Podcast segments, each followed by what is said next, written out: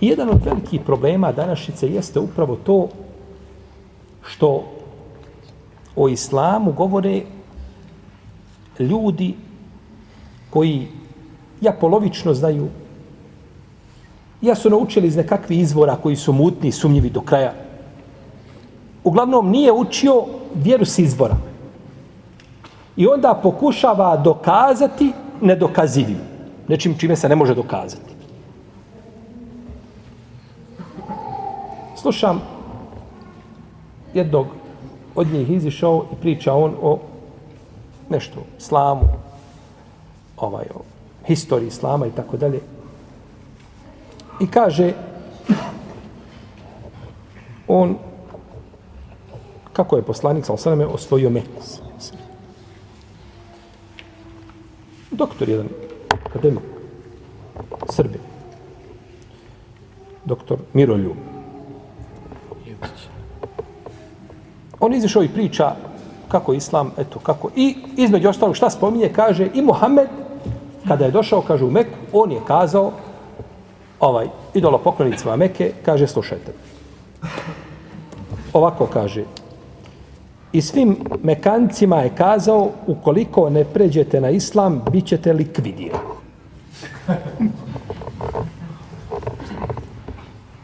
Čovjek bi trebao uvijek kad govori da pazi šta priča.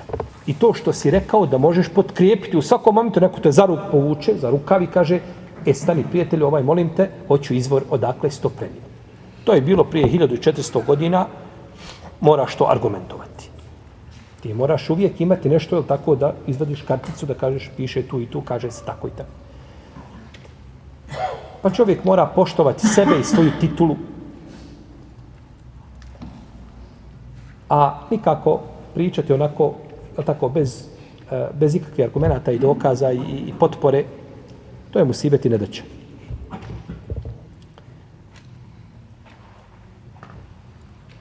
poslanik Muhammed Zalska je došao u Meku, kazao je svima, kaže, svi ćete biti likvidirani. Odakle si došao s tim? Kod Nesaje u sunenu njegovom ima hadis od Sada ibn Abi Vakasa da je poslanik Zalska na dan oslobođenja Mekke dao sigurnost svim ljudima osim četverici i dvijema ženama. Oni nisu dobili sigurnost. Ostali su svi dobili šta? sigurnost i garantovao poslanik, ali da se nikome ništa od njih neće desiti. Ikrime ibn Abi Džehl, Abdullah ibn Khattab, Mekis ibn Subabe i Abdullah ibn Sad ibn Abi Ova četverica nisu dobila sigurnost. I dvije žene. Što se tiče Ikrim ibn Džahla, on je pobjegao. Pa se nakon toga vratio, primio islam i potaman, prošao. Ništa se nije desilo. Ubijen je Mekis ibn Subabe i ubijen je Abdullah ibn Khattab. A Abdullah ibn Sad ibn Sarh, on je primio islam. Pa je poslanik primio njegov islam. Pa su dvojica ljudi ubijeni na dan oslobođenja Mekke. Od dvijema ženama nema govora. Ne spominju se. To je ono što je došlo u vjerodostojnom predanju. Kod Buharije se navodi da je poslanik sa osnovno dan oslobođenja Mekke dao zastavu Sadu ibn Ubadi. Pa je sad prošao pored Ebu Sufijana koji je primio islam. On je izišao da dočeka poslanika na putu negdje do Mekke da vidi šta će biti. Pa je primio islam tu. Pa je prošao pored Ebu Sufijana, kaže, o Ebu Sufijana, kaže, el jeume jeumul melhame. Kaže, danas je dan krvoprolića. Ti šta će danas biti, pojma nemaš. Kaže to Ebu Sufjan.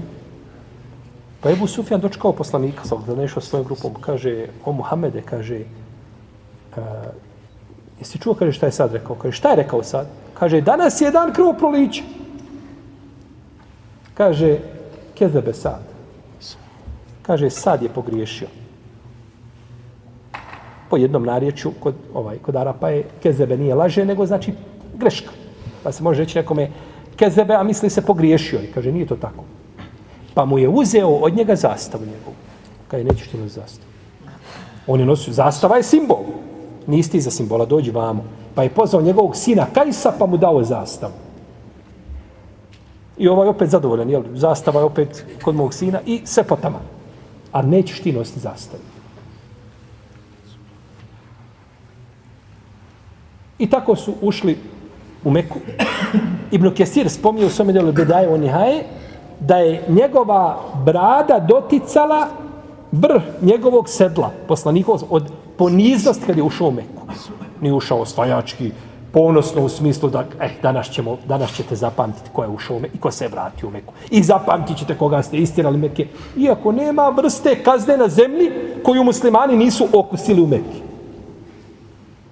Pa je od one da koplje bude probodeno ženi kroz njen vagidalni otvor dok ne iziđe na njena leđa. I takve kazne. I opet ulazi ovaj oborene glave i ponizno i zahvale Allahu što mu je što ga je vratio nazad da dođe do Kabe. I onda kaže ovaj naredio kaže da to se pobije. Pa odakle si to uzeo? Te knjige, odakle si? Gdje si to pročitao da je to tako? Imamo rivajet koji je zabilježio Imra Sakir u svojoj povijesti. U tom se rivajetu kaže da je prošao sad pored Ebu Sufjana, pa mu je rekao, kaže, danas je dan krvo proliče. Danas će, kaže, biti uništeno je ono što je sveto. Danas će, kaže, Allah poništi, poniziti Kurejš. Znači, idolopoklonike, danas će biti ponižen. Pa je obratio se Ebu Sufjan poslanik, kaže, Allahom te, kaže, zaklinjem, kaže, kad je u pitanju tvoj narod. Hoće kazati, budi milosti prema njima. Kaže, ti si čovjek, kaže, koji si najbolji dobročinitelj, I kaže čovjek koji najbolje gledaš na rodbinske veze.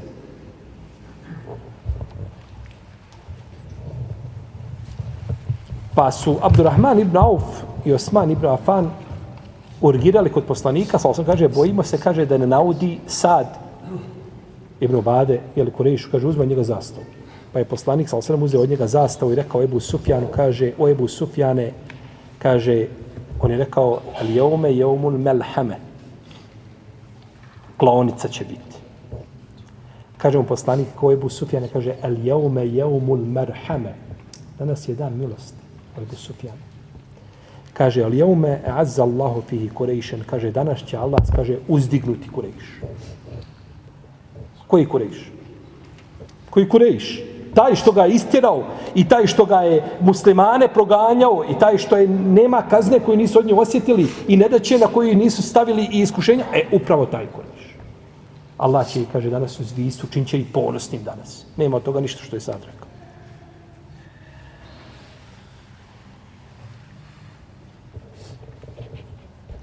Pa je oduzeo sadu pravo na zastavu i dao je njegovom sinu, jeli, Kajsu. A kod Bejhekija se kaže da je rekao Kurešijama, u sunan njegovom se kaže, šta mislite šta će ja uraditi sa vama? Kažu, ti si najbolji, ti si brat najbolji plemenit, kaže, izhebu fa entum tulaka. Idite, kaže, vi ste slobodni. Niko vas ništa ne pita. Radio si, govorio si, pričao si, protjerivao si, mučio si, idi svojim putem. Ni zašto te niko ne pita. Ni zašto te niko neće upitati. Pa su tako zabilježili islamski učenjaci u historiji, tako u Siriji, zabilježili ovaj, ti kada nam prenosiš, odakle nam prenosiš? Što nisi uzeo knjigu od Ibn Asakira, veliku, veliku njegovu povijest, enciklopediju, pa vidio kako je poslanik sam ušao. Ovu, ovaj rivajt je spomenuo u 23. tomu na 654. strani. Da si uzeo, i da si uzeo knjigu od Ibn Kesira pa pročitao. Međutim, ja se bojim da te informacije koje imaš i koje govoriš da si naučio sa Čirilice. Toga se bojim. Jer način kako ti govoriš, kako pričaš, vidi se da ne znaš arapski jezik. Pa ti nije dostupna originalna literatura da govoriš o islamskoj historiji iz knjiga islamske historije, a ne iz tamo knjiga tako nekakvih ovaj a, koje su pisane tim nije tom da sruše islam i muslimani. Iako ne može ni miroljubni, dragoljubni, bilo ko na zemlji, ne može srušiti islam. Ali mi ovo govorimo njemu, akademiku, čovjeku, da ne ruši samoga sebe. A u protivnom islam ne može srušiti. To je, iako mu je to zadaća i to mu je ovaj životni projekat njegov, međutim neće mu to uspjeti definitivno, jer prije su njega bile generacije koje su imale i veće ambicije od toga, međutim nije ovdje niko uspio ništa. Mi kažemo ni pera odbiti, je tako? Pa nećeš niti uspjeti živjeti, ali nemoj se, ovaj, nemoj samog sebe sramotiti i pokazivati nivo svoga znanja, jer kažeš, vi ste mene, u emisiji vi ste mene poznali kao poznavaoca Islama. Pa ako si već poznavaoca Islama, kako tvrdiš, onda bi trebao znači govoriti ono što je činjenica onaka kakve jesu.